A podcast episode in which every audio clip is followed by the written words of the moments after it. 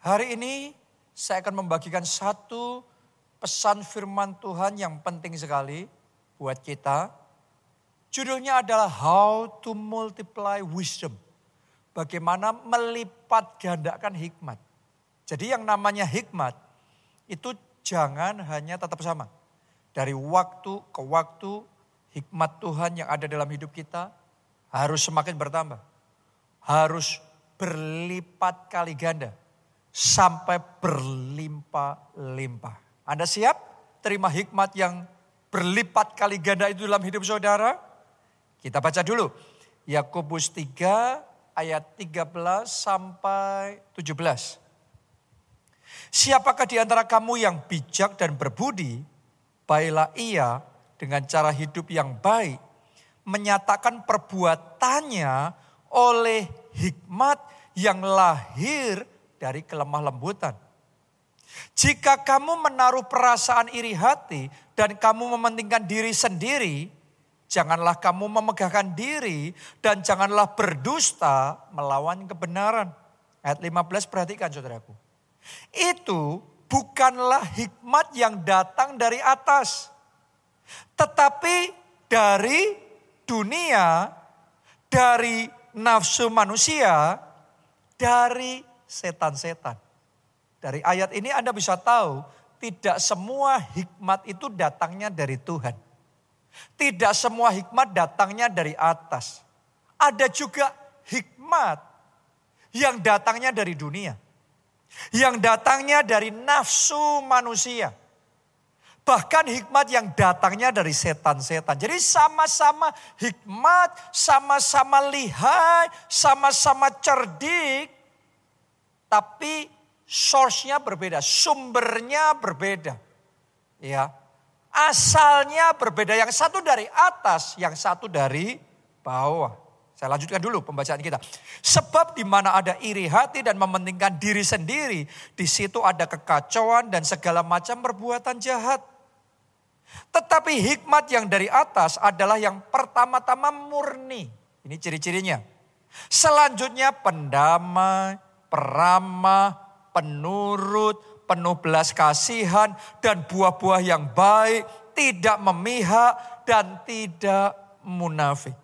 Saya berdoa yang Anda terima dalam hidup saudara adalah hikmat yang datangnya dari atas, hikmat yang datangnya dari Tuhan, hikmat yang datangnya dari Roh Kudus. Amin. Jangan sampai kita membuka diri kita untuk menerima hikmat yang dari bawah diajari orang berbuat sesuatu pinter tapi licik. Mencelakakan orang. Anda harus ngerti, itu bukan hikmat dari Tuhan. Ya.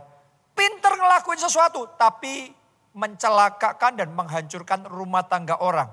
Karirnya orang, pekerjaannya orang. No, no, no, no, no. Itu bukan hikmat yang datangnya dari Tuhan. Dalam Alkitab Anda bisa melihat contoh-contohnya hikmat yang bukan dari Tuhan. Adalah kisah Menara Babel. Kalau Anda pelajari dalam kisah itu, Anda akan menemukan bahwa mereka itu orang-orang yang pinter, berhikmat, mereka bisa membangun bangunan sampai ke langit, tapi tujuannya untuk membesarkan nama mereka sendiri. Bukan untuk membesarkan Tuhan, bukan untuk mengagungkan Tuhan. Dan dicatat dalam Alkitab, Tuhan tidak berkenan. Jadi sangat mungkin orang pinter tapi tidak dikenan oleh Tuhan.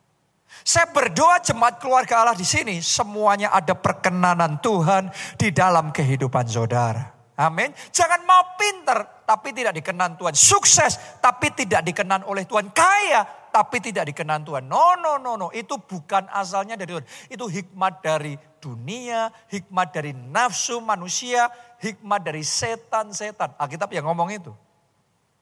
Contoh lagi, di Alkitab ada kisah seorang anak muda namanya Yonadab. Yonadab ini pintar sekali, tapi ini orang licik. Ya, dia adalah sahabatnya Amnon. Kalau Anda tahu Amnon itu salah satu anaknya Raja Daud. Dan Amnon ini jatuh cinta sama adik tirinya. Oke, tapi kan nggak boleh. Nah, dia sedih hati di situ. Dia nggak tahu gimana caranya dapetin Tamar.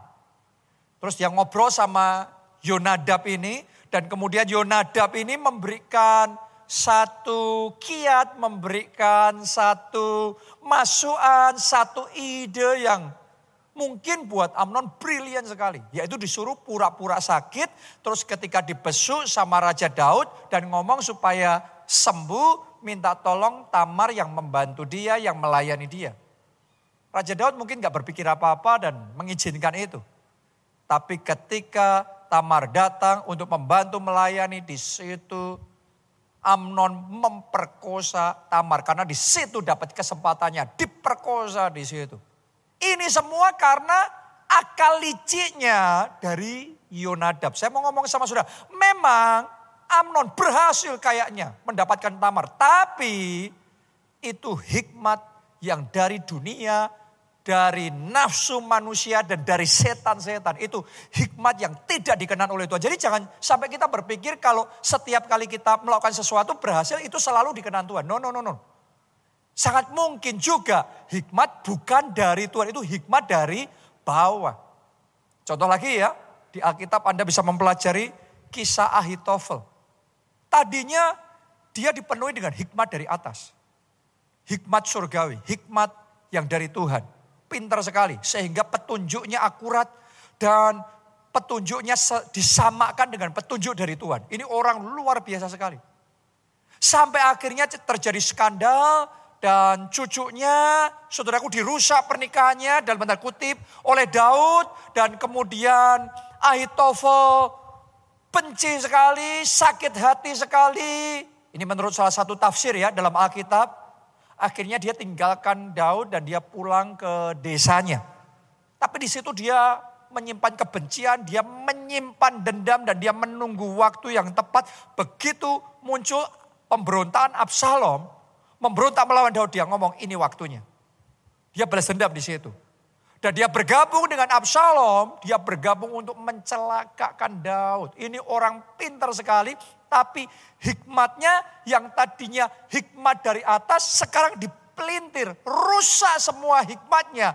Sekarang hikmat yang datang mengisi dirinya, hikmat yang dari bawah, hikmat yang dari dunia, dari nafsu untuk balas dendam, dari setan-setan yang penuh dengan kebencian, itu yang menguasai dirinya. Saya mau ngomong sama saudara, makanya jaga hati. Jangan sampai kita yang tadinya dipenuhi hikmat Tuhan, akhirnya malah sekarang membuka diri. Hikmat dari setan-setan, hikmat dari nafsu dunia. Nafsu manusia. Itu sebabnya hari ini saya berdoa sekali lagi. Pikiran kita dibersihkan, disucikan, dikuduskan semua yang bukan dari Tuhan dilenyapkan. Saat ini juga hikmat yang dari atas hikmat firman Tuhan itu yang datang mengisi hidup saudara. Bedanya apa? Hikmat dari atas sama dari bawah? Sederhana. Buah-buahnya beda. Yang satu buah-buahnya merusak buah-buahnya kedagingan. Yang satunya lagi buah-buahnya membangun buah-buahnya positif Buah-buahnya menyenangkan hati Tuhan. Buah-buahnya membawa kemuliaan bagi Tuhan doa saya. Hikmat yang positif yang seperti itu. Hikmat yang buah-buahnya indah dan manis seperti itu. Yang diimpartasikan, yang Anda terima dan bermanifestasi di dalam kehidupan saudara. Itu hikmat yang diterima oleh Salomo. Waktu dia jadi raja, dia adalah anak muda yang tidak pengalaman. Gak pinter-pinter amat. Sampai suatu kali Tuhan menawarkan kepada Salomo, minta apa pun juga Salomo, satu permintaan ku berikan kepadamu. Luar biasanya Salomo nggak minta kekayaan, dia nggak minta balas dendam, dia nggak minta umur panjang, yang dia minta hikmat Tuhan. Berikan aku hikmat supaya aku bisa memimpin bangsa yang besar ini. Supaya aku bisa mengambil keputusan dengan bijaksana. Supaya aku bisa jadi raja yang baik, raja yang mendatangkan manfaat dan membawa bangsanya mengalami perjumpaan pribadi dengan Tuhan, mengalami anugerah dan berkat besar dalam hidup mereka. Jadi permintaan Salomo itu didengar sama Tuhan dipandang baik. Kalau Anda minta hikmat dari Tuhan, permintaanmu dipandang baik. Karena apa? Karena hikmat dari Tuhan adalah untuk jadi berkat. Buat banyak orang lain. Jadi berkat dan buat Tuhan. Untuk mengagungkan, membesarkan, dan memuliakan Tuhan. Karena itu hari ini sementara kita belajar tentang hikmat. Saya aja sudah doa sama Tuhan. Minta Tuhan hikmat supaya hidup saudara jadi manfaat yang semakin besar buat keluargamu, buat orang-orang di sekelilingmu. Supaya engkau bisa jadi solusi buat banyak orang. Jadi jawaban supaya melalui hikmat itu engkau bisa mendatangkan kebahagiaan. Engkau bisa memudahkan hidup orang cara mereka bekerja. Engkau bisa bersaksi menyelamatkan jiwa-jiwa. Sehingga mereka yang harusnya binasa. Tapi sekarang mereka perlu pengampunan dosa dan hidup yang kekal di dalam nama Tuhan Yesus. Kalau Anda punya kerinduan yang seperti itu. Itu kerinduan yang sama yang dimiliki Salomo. Hari ini terima hikmat itu di dalam nama Tuhan Yesus. Itulah hikmat yang dari atas, hikmat yang daripada Tuhan sendiri. Oke, pertanyaannya sekarang bagaimana kita bisa mendapatkan bahkan mengembangkan, melipat gandakan hikmat yang dari atas itu. Ada lima yang saya mau bagikan. Yang pertama dimulai dari lahir baru dalam Kristus. Ini yang kita sudah pelajari minggu lalu. Karena tanpa Kristus banyak selubung di pikiran kita, di mata rohani kita. Tanpa Kristus pikiran kita jadi tumpul. Itu kata firman Tuhan. Tapi ketika kita terima Kristus, ada Yesus Kristus dalam hati kita, maka selubung kita disingkapkan. Pikiran kita jadi tajam. Pikiran kita di-upgrade. Penuh dengan hikmat. Itu sebabnya saya mau beri kesempatan kepada saudara Ayo dengan segenap hati terima Yesus sebagai Tuhan dan Juru Selamat. Nanti di bagian akhir dari khotbah ini saya akan berikan kesempatan supaya apa? Anda bisa terima hikmat Kristus. Terima pengampunan dosa, terima keselamatan. Pikiranmu jadi tajam, di-upgrade. Kelasnya berbeda, dimulai dari terima Yesus sebagai Tuhan dan Juru Selamat. Yang kedua, untuk kita melipat gandakan hikmat itu, kita harus belajar firman sampai firman itu mendominasi kita. Oke, saya ulangi sekali lagi. Belajar firman sampai firman itu mendominasi. Saya jelaskan satu persatu ya, dimulai dari belajar firman dulu. Dan belajar dimulai dari membaca dulu. Anda perlu mengembangkan kebiasaan membaca. Kebiasaan belajar. Karena orang yang membaca dan tidak membaca itu kapasitas berpikirnya berbeda. Orang yang belajar dibandingkan yang tidak belajar, terasahnya beda. Seperti pisau, kalau enggak terasah, maka dia tumpul. Tapi kalau diasah, dia jadi tajam. Jadi kalau saudara mau punya pikiran yang tajam, dalam berbisnis pikiran sudah tajam, di dalam keluarga pikiran sudah tajam, dalam menyelesaikan masalah pikiran Anda tajam, dalam mengelola keuangan investasi Anda punya ketajaman dalam berpikir, itu butuh diasah dan diasahnya melalui belajar, melalui membaca. Baca buku-buku yang berkualitas yang ditulis manusia aja akan mengasah saudara. Terlebih lagi baca firman Tuhan. Karena firman Tuhan itu yang akan mengasah pikiran kita. Membuat pikiran kita jadi terang, jadi cerdas, di-upgrade kapasitasnya jadi pinter sekali. Kita baca Mazmur 19 ayatnya yang ke-8.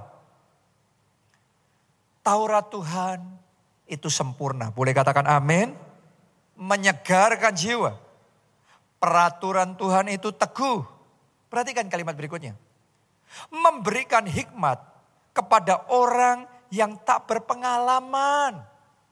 Jadi kalau Anda nggak berpengalaman dalam mengambil keputusan, dalam memilih pasangan hidup, di dalam membangun karir, dalam mengelola keuangan, di dalam uh, mengelola tubuh, kesehatan saudara. Saya mau ngomong sama saudara, Taurat Tuhan firman Tuhan itu sempurna, firman Tuhan itu memberi hikmat kepada orang yang tidak berpengalaman.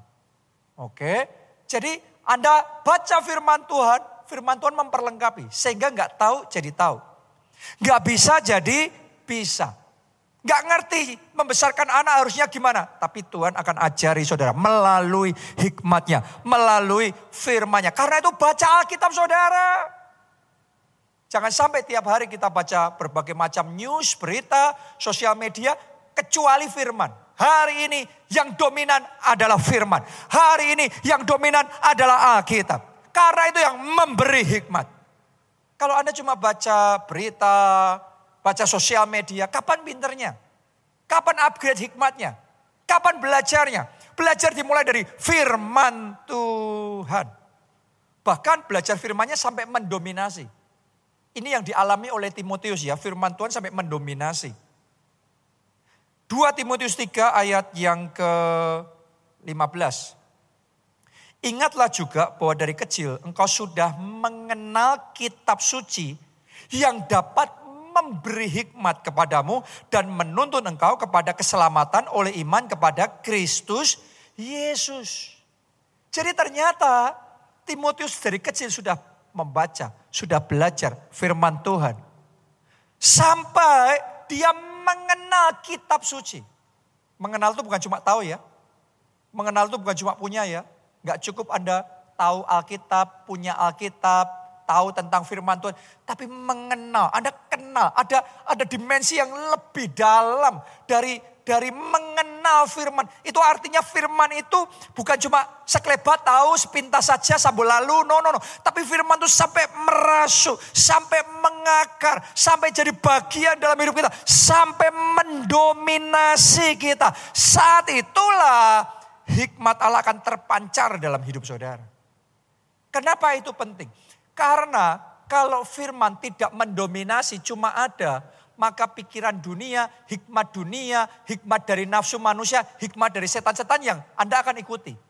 Mungkin Anda setuju sama firman, tapi yang Anda hidupi, yang Anda lakukan, yang Anda ikuti adalah hikmat dunia. Dan itu yang akan mencelakakan. Karena ada jalan yang disangka lurus, tapi ujungnya maut. Yang ujungnya kehidupan, ujungnya kemuliaan. Itulah firman Tuhan. Karena itu jangan hanya baca Alkitab. Jangan hanya belajar firman. Tapi belajarlah sampai firman itu mendominasi. Timotius dari muda, dari kecil belajar. Sampai firman itu mendominasi. Makanya hidupnya benar-benar hidup sesuai firman. Itu hikmat Allah. Bukan cuma tahu, tapi merasuk, mengubah hidup, menjadi bagian dari gaya hidup kita, dari perbuatan kita, kata-kata kita. Itu firman Allah mendominasi dan itu yang akan membuat hikmat Allah bermanifestasi, mengupgrade, membawa terobosan besar di dalam kehidupan kita. Itu yang kedua. Yang ketiga, kalau Anda mau melipat gandakan hikmat Tuhan, butuh yang namanya mencari Tuhan lebih lagi dengan sepenuh hati dalam hidupmu. Kita baca Amsal 28 ayat yang kelima. Orang yang jahat tidak mengerti keadilan. Tetapi, perhatikan ini saudaraku. Orang yang mencari Tuhan. Do you search for God? Apakah Anda mencari Tuhan? Bukan asal ya, tapi sungguh-sungguh mencari Tuhan. Alkitab mau begini, dia mengerti segala sesuatu. Kenapa? Karena Tuhan yang akan mengajari saudara. Kalau Anda mencari Tuhan, dia akan memberikan instruksi. Keputusan mana yang harus engkau ambil. Langkah-langkah mana yang harus engkau pilih. Siapa yang harus engkau jumpai. Dia akan mengajari saudara tiba-tiba Anda akan tahu solusi masalah dengan mertua saudara. Dapat jalan keluar gimana caranya menyelesaikan masalah hukum yang sudah begitu rumit bertahun-tahun menyusahkan saudara. Tiba-tiba ada pengertian, tiba-tiba ada hikmat. Gimana supaya bisa bebas hutang, gimana caranya menyelesaikan konflik dan cara ngomong sama orang tua. Dimulainya dengan mencari Tuhan. Oh saya berdoa mulai hari ini hati yang mencari Tuhan. Dengan sepenuh hati. Itu bangkit di dalam hati saudara. Muncul dalam hidup saudara. Bukan asal mencari Tuhan. Tapi sepenuh hati mencari Tuhan. Anda harus ngerti loh. Semua orang Kristen mencari Tuhan. Tapi yang hanya sepenuh hati mencari Tuhan. Yang menemukan Tuhan. Semua orang Kristen berdoa. Tapi hanya orang yang berdoa dengan sungguh-sungguh yang doanya besar kuasanya. Jadi yang namanya mencari Tuhan saja itu enggak cukup. Kalau enggak sepenuh hati, sia-sia. Hari ini saya ajak saudara mencari Tuhannya sepenuh hati. Maka engkau akan dibuat Tuhan mengerti segala sesuatu. Hikmat akan diberikan dalam hidupmu. Karena Tuhan akan mengajari saudara. Orang yang mencari Tuhan segenap hati itu Tuhan menetapkan langkah-langkahnya. Dikasih hikmat dari Tuhan. Itu yang dialami oleh Daniel. Anda boleh lihat dalam hidup Daniel ini. Dia orang yang mencari Tuhan dengan sungguh-sungguh. Bahkan Alkitab mencatat setiap hari. Tiga kali sehari Daniel berdoa sungguh sama Tuhan. Dan saya yakinkan saudara itu bukan cuma tiga kali itu doa pagi, doa makan pagi, doa makan siang, doa makan malam. No, no, no, no. Tapi itu Tiga kali berdoa dengan segenap hati. Sehingga sampai-sampai ketika diumumkan larangan untuk berdoa kepada Allah mana pun atau akan dilemparkan dijatuhi hukuman mati, Daniel ngambil resiko tetap melakukan seperti yang biasa dia lakukan. Tiga kali sehari berdoa sungguh-sungguh sama Tuhan. Itu namanya berdoa, itu namanya mencari Tuhan. Tidak heran Daniel ini dibuat Tuhan mengerti segala sesuatu. Diberi hikmat sepuluh kali lebih cerdas dari semua orang-orang pintar di negeri itu. Kenapa? Karena dia mencari Tuhan sepenuh hati. Kita baca Daniel 5 ayat 12. Karena pada orang itu terdapat roh yang luar biasa dan pengetahuan dan akal budi. Ini bicara tentang Daniel ya. Sehingga dapat menerangkan mimpi. Lihat saudaraku, hikmatnya Daniel. Menyingkapkan hal-hal yang tersembunyi. Wow. Orang lain gak ada yang tahu. Hanya Daniel yang tahu. Dan menguraikan kekusutan. Uh, buat orang lain tuh rumit banget, sudah pusing. Tapi Daniel bisa menguraikan kekusutan yakni Daniel yang dinamai Belshazzar oleh raja. Baiklah sekarang Daniel dipanggil dan ia akan memberitahukan maknanya. Semuanya ini dimulai karena Daniel mencari Tuhan dengan sungguh-sungguh. Hari ini saya mau ajak saudara semua jangan hanya mencari Tuhan, cari Tuhannya sepenuh hati. Jangan hanya berdoa, doanya sungguh-sungguh. Alkitab mencatat Elia manusia biasa sama seperti kita. Tapi ia sungguh-sungguh berdoa maka langit ditutup. Hujan gak turun. Tiga setengah tahun. Terus dia sungguh-sungguh berdoa lagi. Maka langit dibuka. Hujan turun. Jadi langit ditutup atau dibuka. Hujan turun apa hujan tidak turun. Itu at the command of Elijah. Itu atas perintahnya Elia. Kenapa? Karena dia tahu the secret. Dia tahu rahasianya. Berdoa dengan sungguh-sungguh. Coba anda renungkan. Banyak orang berdoa. Tapi doanya nggak ada kuasanya. Kesungguhan hati masalahnya. Jadi hari ini saya ingin ajak saudara berdoanya mencari Tuhannya dengan sungguh-sungguh. Mulai hari ini doa pagimu sungguh-sungguh. Doa siangmu sungguh-sungguh. Doa malammu sungguh-sungguh. Di gereja kita ada pondok Daud. Tempat pujian penyembahan 24 hours, 24 jam sehari, 7 hari seminggu. Saya ajak saudara, ayo sungguh-sungguh mencari Tuhannya, sungguh-sungguh. Maka Tuhan akan membuat Anda mengerti segala sesuatu. Itu hikmat yang dari atas. Datangnya dari Tuhan. Oke. Yang keempat, gimana caranya kita menerima hikmat Tuhan dan melipat gandakan hikmat itu? Yang keempat, meminta hikmat kepada Tuhan. Jadi Anda itu bisa menerima hikmat loh dengan cara minta sama Tuhan Tuhan, beri aku hikmat. Kita baca ya, Yakobus 1 ayat 5 sampai 6. Tetapi apabila di antara kamu ada yang kekurangan hikmat, siapa di sini yang merasa butuh hikmat lebih besar untuk keluarga saudara, untuk membangun pernikahan saudara, untuk mendidik anak saudara. Siapa yang butuh hikmat supaya sakit penyakit saudara bisa disembuhkan, supaya uh, hutang saudara bisa lunas, pekerjaan Anda bisa maju, bisnis saudara ekspansi. Siapa yang butuh hikmat dari Tuhan? Alkitab ngomong begini, apabila di antara kamu ada yang kekurangan hikmat, hendaklah ia memintakannya kepada Allah. Oke? Yang memberikan kepada semua orang dengan murah hati dan dengan tidak membangkit-bangkit, maka hal itu akan diberikan kepadanya. Hendaklah ia memintakannya dengan iman dan sama sekali jangan bimbang, sebab orang yang bimbang sama dengan gelombang laut yang diombang-ambingkan kian kemari oleh angin. Jadi anda mau hikmat, Anda bisa memintakannya kepada Tuhan. Yang pertama, Anda bisa minta hikmat untuk dirimu sendiri. Tuhan aku butuh hikmatmu Tuhan untuk ambil keputusan ini. Tuhan aku butuh hikmatmu Tuhan untuk menyelesaikan masalah ini. Ya Anda bisa minta itu sama Tuhan. Kasih solusi Tuhan, kasih hikmat Tuhan. Tapi tahukah saudara, Anda juga bisa memintakannya, memintakan hikmat itu untuk orang lain. Memintakan hikmat itu untuk suamimu supaya dia dalam pekerjaannya sukses. Memintakan hikmat itu untuk anak-anakmu supaya studinya berhasil. Memintakan hikmat itu untuk sesama teman saudara. Jadi Anda bisa minta hikmat loh buat orang lain. Kalau sesatu ayatnya yang ke-9. Sebab itu sejak waktu kami mendengarnya, kami tiada berhenti-henti berdoa untuk kamu. Tiada berhenti-henti berdoa untuk kamu.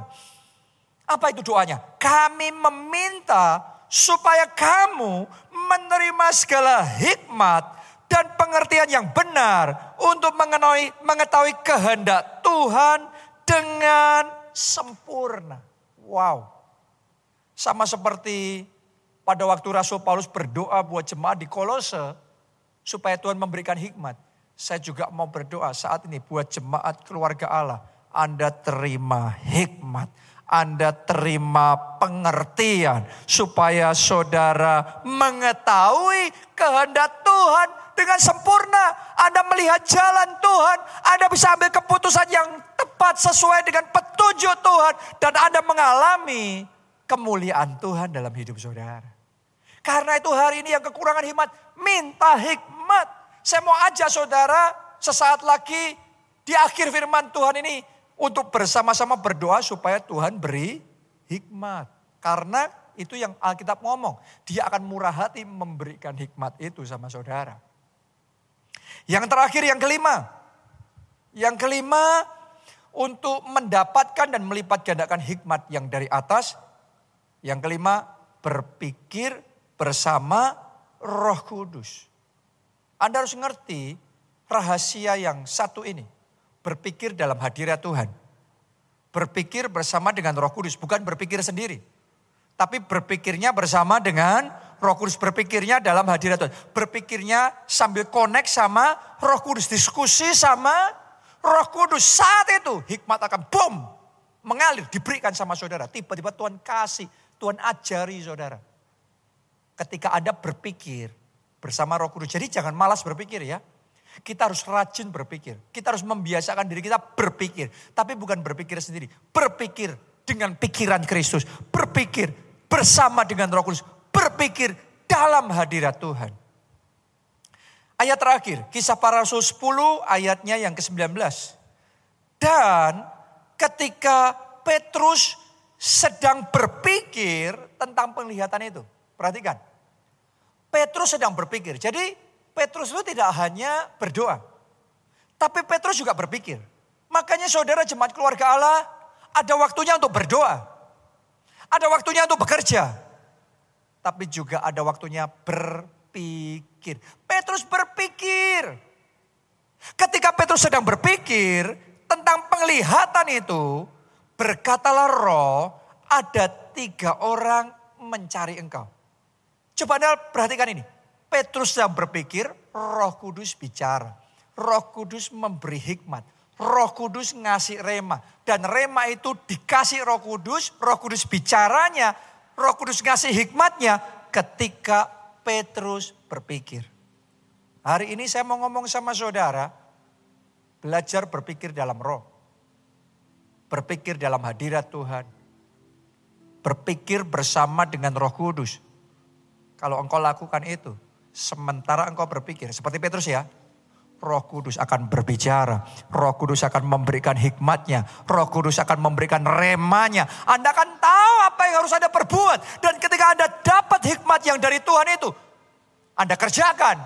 Engkau akan melihat kemuliaannya nyata, dahsyat, terjadi di dalam kehidupan saudara. Itu yang saya alami tahun 2020 waktu pandemi melanda dan seluruh Indonesia lockdown. Gereja juga lockdown. Semua proyek pembangunan berhenti semuanya. Berhenti semua, stop semua pembangunan hotel, apartemen, office tower, perumahan berhenti. Waktu itu saya saya berdoa.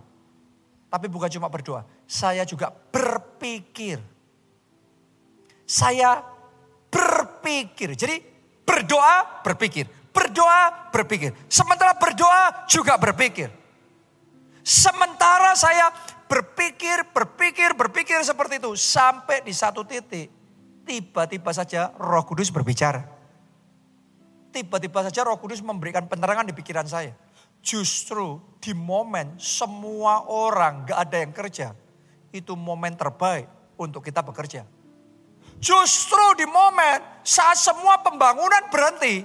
Itu momen terbaik pembangunan kita tetap jalan. Karena kita akan jadi satu-satunya Tiba-tiba terang pikiran saya. Tadinya dicekam ketakutan. Tapi ketika saya dapat hikmat dari Tuhan itu, terang pikiran saya.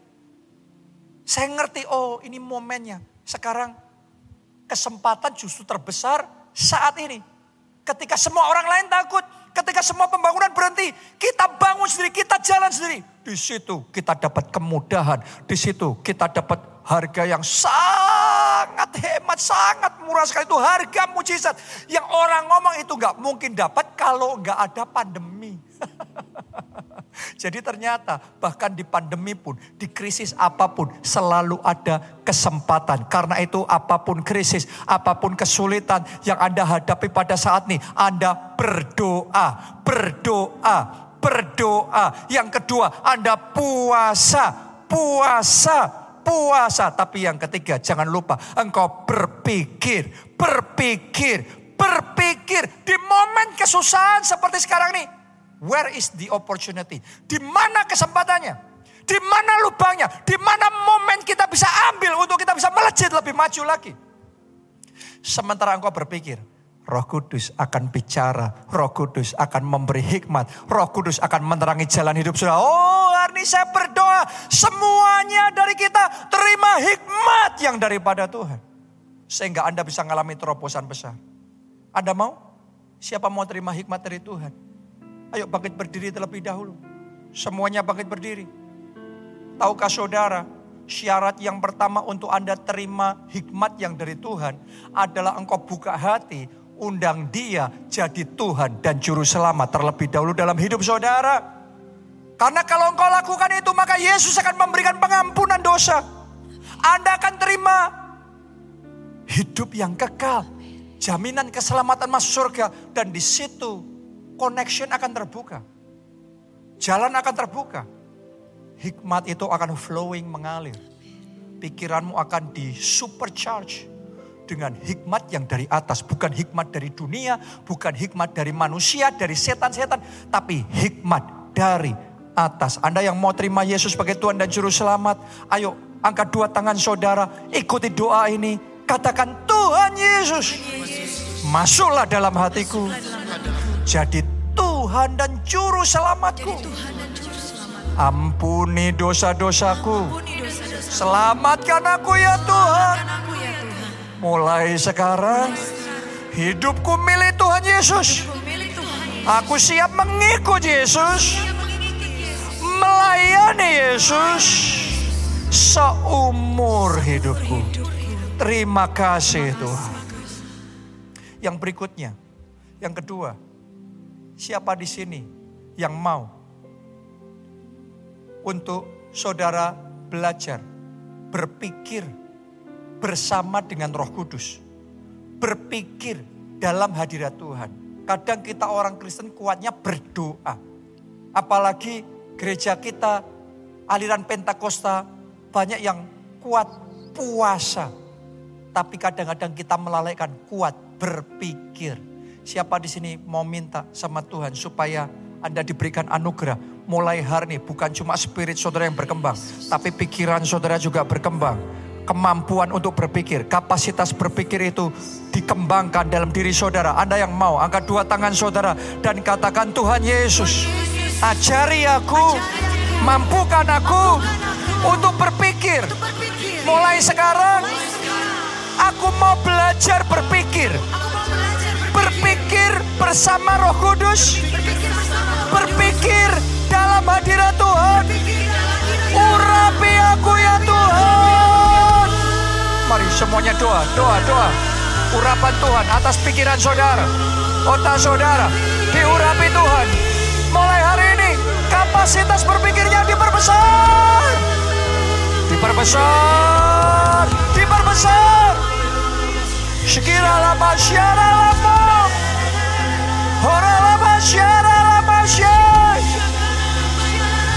Ya, ya, ya, ya, ya, ya, ya. Mulai hari ini. Semua kemalasan berpikir disingkirkan. Digantikan dengan kerajinan, ketekunan untuk belajar, untuk membaca, untuk berpikir dalam hadirat Tuhan. Bersama dengan roh kudus. Dan biar hikmat Allah itu mengalir. Mengalir.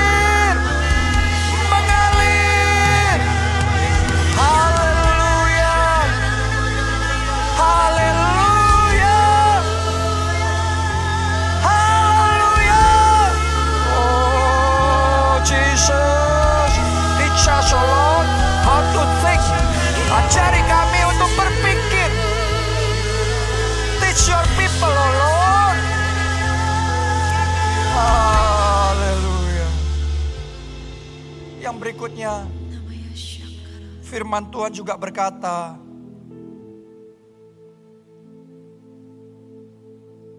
Tetapi apabila di antara kamu ada yang kekurangan hikmat, hendaklah ia memintakannya kepada Allah. Jadi hari ini saya ajak saudara meminta sama Tuhan. Minta hikmat untuk saudara sendiri dan saya sebagai hamba Tuhan. Saya akan berdoa memintakannya kepada Allah buat saudara. Anda mau itu? Saya berdoa hari ini kita semua terima karunia hikmat. Karena hikmat itu bisa dikaruniakan. Hikmat itu bukan hanya diasah, dipertajam, dipelajari. Tapi ada hikmat dari atas dikaruniakan. Anda yang mau dikaruniakan dengan hikmat itu. Sekarang angkat dua tanganmu dan ikuti doa ini. Tuhan Yesus, aku butuh hikmat dari atas itu.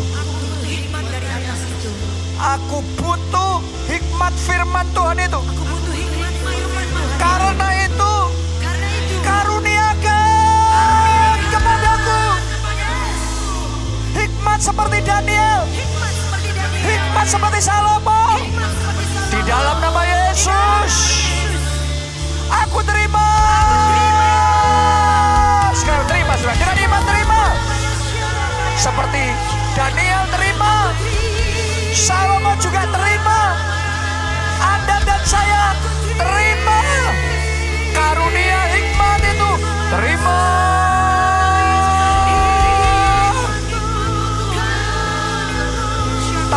saudara, tambah lagi, tambah lagi. Sekarang multiplication. Melipat ganda hikmat. Hikmat yang tambah besar.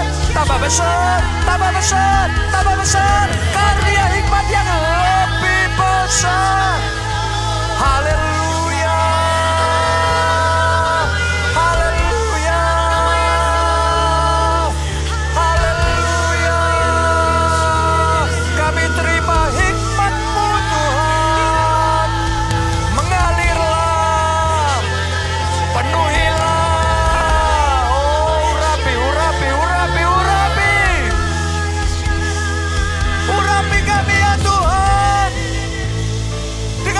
Yang dari atas.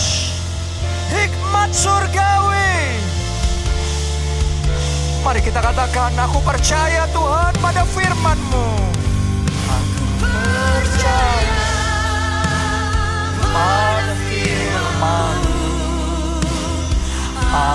melangkah dengan imanku tetap setia pada perjanjian jadikan ku hamba milikmu. Mari lambai-lambaikan dua tangan katakan aku percaya pada firmanmu. Aku melangkah dengan imanku. Tetap setia pada perjanjian jadikan ku hamba milikmu. Tetap setia pada perjanjian. Jadikan ku hamba milikmu. Tetap setia